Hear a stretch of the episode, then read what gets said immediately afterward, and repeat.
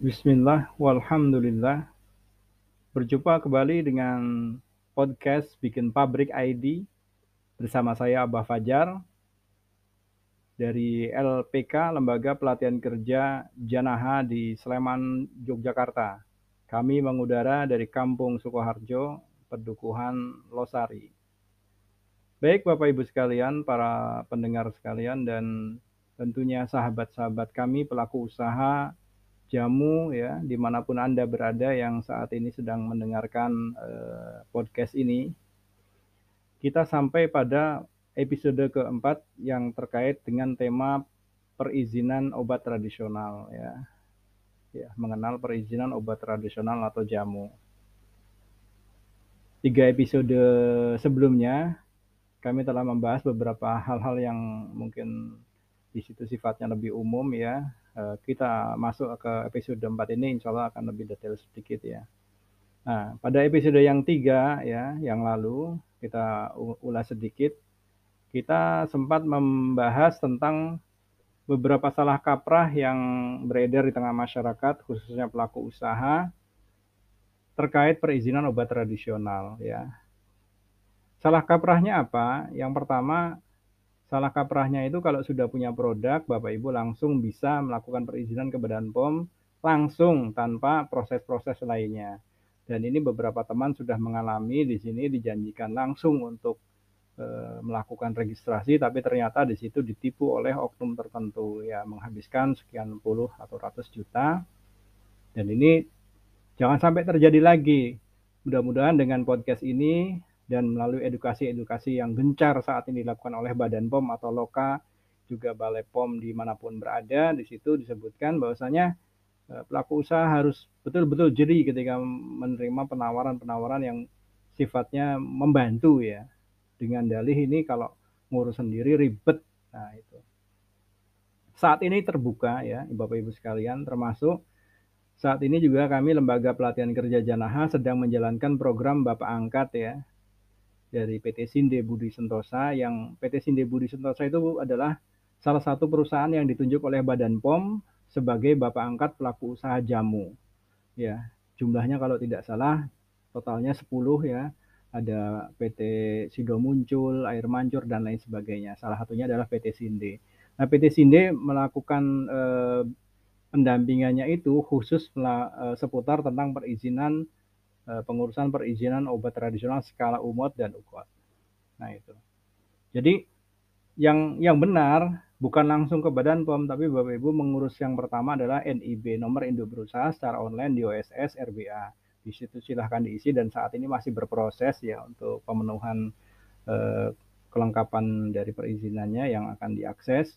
Berikutnya adalah harus memenuhi sertifikasi CPOTB ya. Ada juga Bapak Ibu yang ketiga mempunyai izin sarana yang sesuai dengan uh, sediaan yang akan diajukan ya, apakah itu umot atau ukot.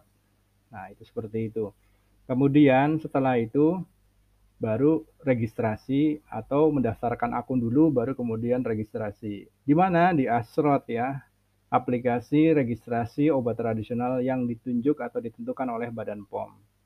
Nah, itu seperti itu. Jadi tidak bisa langsung tiba-tiba daftar, datang ke loket BPOM, Bu, saya mau daftar obat tradisional. Itu mungkin keliru ya. Karena belum mendapatkan informasi. Nah, setelah mendapatkan informasi ini ya siap-siap dulu ya prosesnya. Ya, bagaimana ya? Istilahnya kita secara secara awam saja ya, berpikirlah masyarakat umum. Kalau mau izin produk kan harus tidak serta merta ke sana ya, mesti mikir ada sarananya, mikir ininya, mikir itunya segala macam. Lah kalau sudah ada izin produksinya di mana kan gitu. Itu yang pertama. Terus yang kedua, ada yang menyamakan antara izin Badan POM ya, itu dengan LP POM MUI. Makanya di situ ini modus atau gimana ya. Aduh, kreativitas yang tanpa henti dari pelaku usaha itu ya jangan sampai nabrak-nabrak lah. Mengelabui konsumen di situ dengan menuliskan sudah memiliki izin POM. Nah, ternyata POM yang dimaksud adalah LPP MUI sebagai sertifikasi CP, eh, sertifikasi dari halal produk tersebut. Iya kalau itu pun terkait dengan produknya sendiri, tapi kalau misalnya di situ menggunakan LPP MUI orang lain kan ya enggak bagus juga toh. Ya, begitu ya. Jadi ada dua itu salah kaprah yang muncul dan ya mohon difahami bahwasanya yang seperti itu juga bisa menarik perhatian daripada tamu tak diundang ya, oknum-oknum yang berkeliaran di sana yang mengawasi pelaku usaha.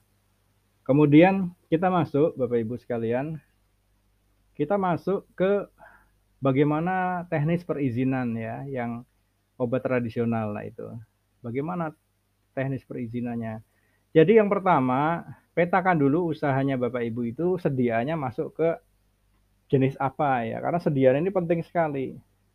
Nah, kalau Bapak Ibu itu sediaannya parem, tapel, bilis ya, obat gosok atau cairan obat luar, juga rajangan ya kayak wedang uwuh, kemudian di situ e, jamu godokan cukup masuknya ke usaha mikro obat tradisional. Kalau di situ Bapak Ibu sedianya itu. Kalau mau daftar ukot bisa sekali ya, tapi kalau untuk umot saja itu sudah cukup.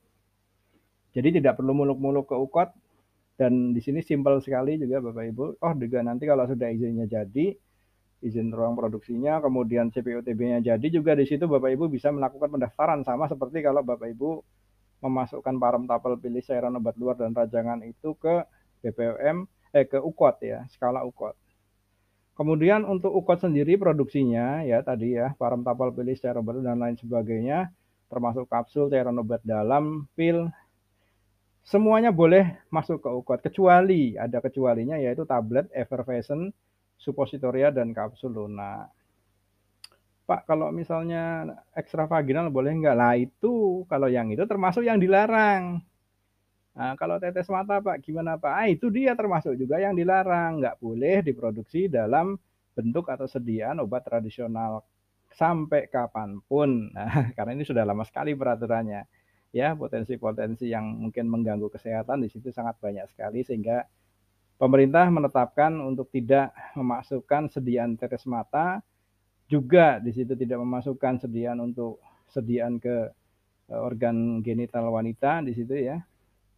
Nah, itu di situ eh, tidak diizinkan. Nah, jadi kembali lagi ke umot ya dan ukot bentuk sedianya apa dibedakan baru kemudian kita ngurus perizinannya. Oh, ternyata sekarang bisa umot saja.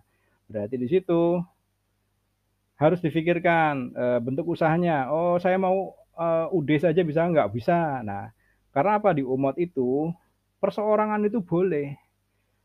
Namun non perseorangan juga boleh, tapi ada kecualinya. Perseroan terbatas atau PT nggak boleh untuk jadi eh, apa namanya bentuk usahanya eh, ini apa namanya ke umot. Nah, ukot bagaimana lah? Kalau di ukot non non perseorangan itu yang jadi pilihan dari perizinan yang di sini yang di ukot ini. Kalau perseorangan nggak boleh sama sekali. Misalnya UD apa daftar ke ukot, oh nggak boleh jelas itu. Itu harusnya CV nanti ya.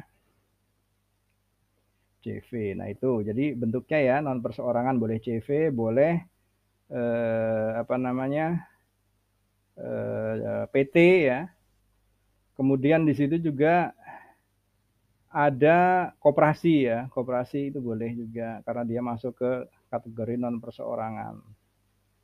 Nah, kemudian kita coba masuk berikutnya kalau sudah Bapak Ibu semua itu mengetahui e, bentuk sediaannya boleh, kemudian bentuk usahanya boleh. Nah, berarti di situ berikutnya adalah siapa penanggung jawabnya dari usaha yang umot dan ukot ini. Nah, untuk umot cukup dengan tenaga teknis kefarmasian TTK yang dari WNI ya, nggak boleh dari luar negeri. Di situ S1 farmasi atau D3 farmasi. Atau diperbolehkan juga di situ tenaga kesehatan tradisional jamu ya alumni dari D3 Jamu atau Poltekkes di Surakarta. Itu boleh. Bagaimana kalau apoteker? Wah, boleh sekali di situ. Cuman apakah nanti dia bekerja di luar juga atau dia tidak bekerja khusus di umat ini? Karena apa? Apoteker ada aturannya sendiri kalau apoteker tidak boleh double di usaha e, produksi dengan pelayanan kefarmasian ya, seperti apotek maupun e, depo farmasi di rumah sakit itu tidak boleh. Nah, misalnya suami istri, istrinya apoteker lah, istrinya itu udah jadi penanggung jawab aja, udah nggak apa-apa. Bisa kayak gitu ya. Atau di situ, ah saya nggak mau kerja, pokoknya mau santai-santai. Ya itulah bisa di situ mendaftar menjadi TTK ya. Sementara usaha yang lainnya yang menghasilkan, nah itu e, tidak menggunakan e, ijazah apotekernya, ya. Kemudian kalau apoteker gimana? E, kalau ukot bagaimana? Maaf. Kalau usaha kecil obat tradisional izinnya bagaimana? Nah, izinnya di situ ya, penanggung jawabnya maaf ya, penanggung jawabnya itu minimalnya tenaga teknis kefarmasian, yaitu S1 dan D3 farmasi yang memiliki pelatihan sertifikat. Itu minimalnya ya. Yang minimal sertifikat itu untuk apa? Kalau usahanya itu ukotnya memproduksi kapsul atau cairan obat dalam. Lah kalau enggak, boleh tidak bersertifikat. Jadi langsung mendaftarkan ya, aturannya itu langsung mendaftarkan e, sebagai tenaga teh, penanggung jawab teknis di UKOT tersebut. Misalnya pil ya, kemudian di situ serbuk. Nah, itu TTK boleh. Minimalnya tenaga teknis kefarmasian kalau apoteker jelas boleh. Nah, itu seperti itu. Nah, kemudian di situ kategori untuk UKOT berbeda dengan UMOT eh, apa namanya standar usaha atau izin sarananya. Perizinannya ke mana nih kalau UKOT ya ke pemerintah daerah provinsi di situ yang terintegrasi dengan sistem OSS. Jadi ke DPPM atau DPM PTSP provinsi atau PTSP provinsi. Sedangkan usaha mikro obat tradisional atau UMOT, Bapak Ibu bisa mendaftarkan ke pemerintah daerah, DPM PTSP atau PTSP kota kabupaten tempat domisili usaha e, produksi Anda. Nah, itu seperti itu. Jadi tidak mesti ke e, tidak tidak tidak ke provinsi kalau untuk umum, tapi ke kota kabupaten saja ya, kantor perizinan yang ada di kota kabupaten panjenengan berada. Nah, seperti itu. Sampai di sini mungkin bisa coba dicerna dulu ya. Jadi tadi itu ada kita sebutkan bentuk sediaannya apa saja, bentuk usahanya apa saja yang untuk ukot dan umot, kemudian penanggung jawabnya siapa saja yang boleh. Setelah itu standar usaha yang eh, apa namanya harus ditempuh itu ke mana, kayak ke provinsi atau ke kota kabupaten. Nah itu. Nah kemudian ya permohonannya itu ya permohonan baru itu nanti melengkapi nih melengkapi eh, data-data yang ada di situ. Contohnya ya, Contohnya untuk eh, terkait dengan ininya apa namanya sarananya. Berarti di situ sarananya kalau kalau untuk UKOT tolong cari usaha lokasi usaha yang sesuai dengan zona karena apa? Mungkin peraturan bisa berubah tapi juga nanti akan berubah lagi ya. Nah, itu kita usahakan yang sesuai dengan eh, peraturan yang ada di daerah. Misalnya di situ carilah yang di situ untuk industri kecil masih bisa masuk ya. Kemudian juga di situ untuk SPPL ya, SPPL itu bisa dilakukan pengurusannya secara online ya.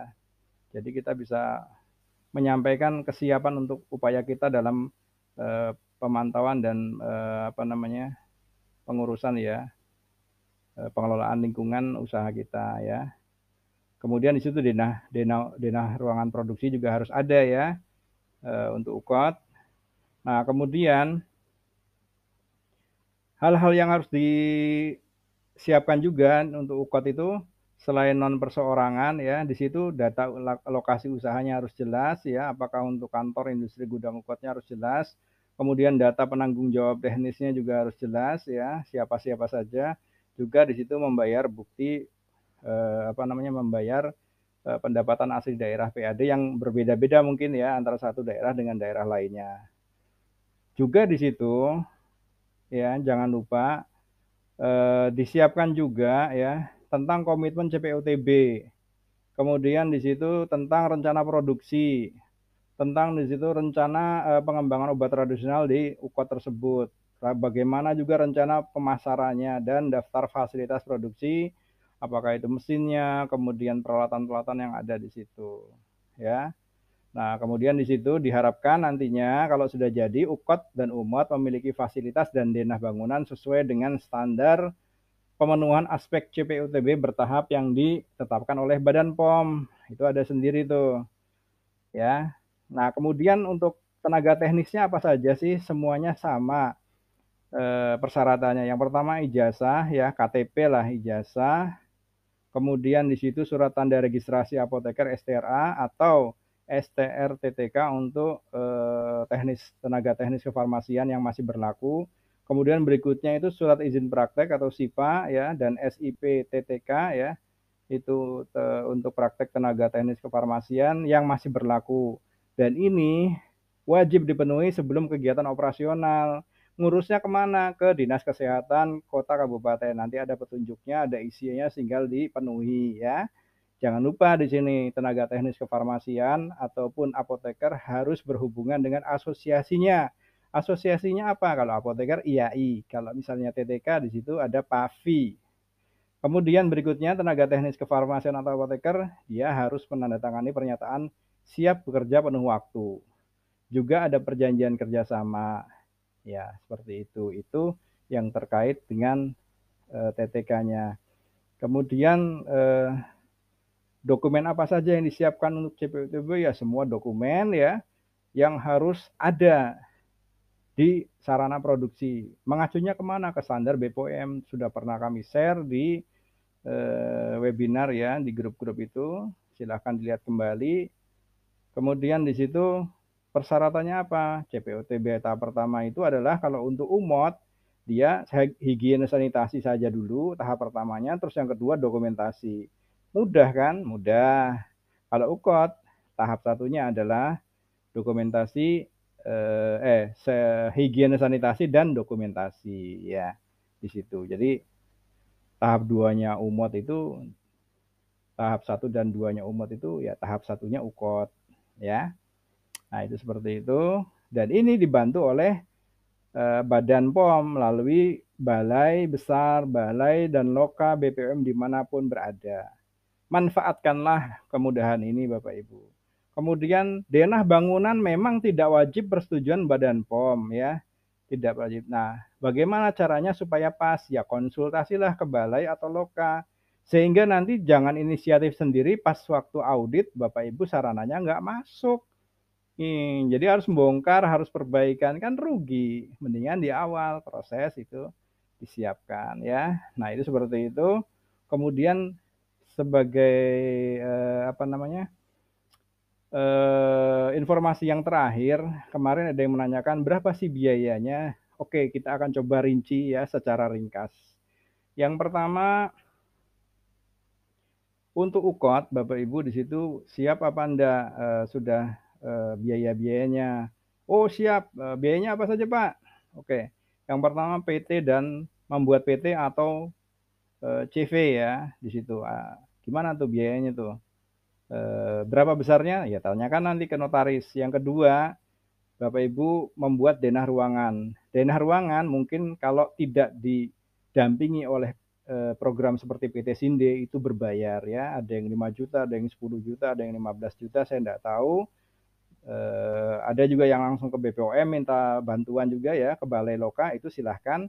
Tapi kalau untuk eh, Bapak Ibu yang mengikuti program pendampingan PT Sinde itu gratis sampai denah ruangannya itu jadi kalau untuk UKOT ya. Tapi kalau untuk yang umot itu sampai perizinannya jadi. Nah itu seperti itu. Nah, kemudian dari situ Bapak Ibu diharapkan menyiapkan sarana ruang produksi yang sesuai. Berapa biayanya? Ya, kalau umut ya mungkin kalau bersih-bersih, kemudian cacat, kemudian disekat-sekat, dikasih penghalang dari makhluk-makhluk yang mengganggu potensinya seperti nyamuk atau kecoa atau apa ya, ya antara beberapa ratus ribu sampai sejuta dua juta atau lebih ya, tergantung nanti apa yang dibongkar atau diperbaiki. Lalu untuk ukot berapa? Tergantung juga. Ada yang di situ hanya menghabiskan antara 20 sampai 25 juta, ada yang menghabiskan sampai 300 eh, atau 400 juta karena apa? Sarananya luas ya. Uh, sedianya juga banyak, enggak cuma tiga tapi ada yang lima atau enam kayak gitu. Nah, seperti itu juga menggunakan pintu kaca atau enggak. Kemudian nanti di situ ya, itu sarana ya. Sarananya. Nah, Bapak Ibu juga harus mengisi sarana itu dengan bahan-bahan eh peralatan-peralatan yang sesuai. Misal ya, peralatan yang sesuai itu ya peralatan produksi, kemudian AC untuk supaya nanti nyaman kerjanya ya. Kemudian di situ palet, rak rak rak uh, gudang ya. Juga di situ terkait dengan uh, untuk pembersihan, misalnya penyedot debu, nah seperti itu.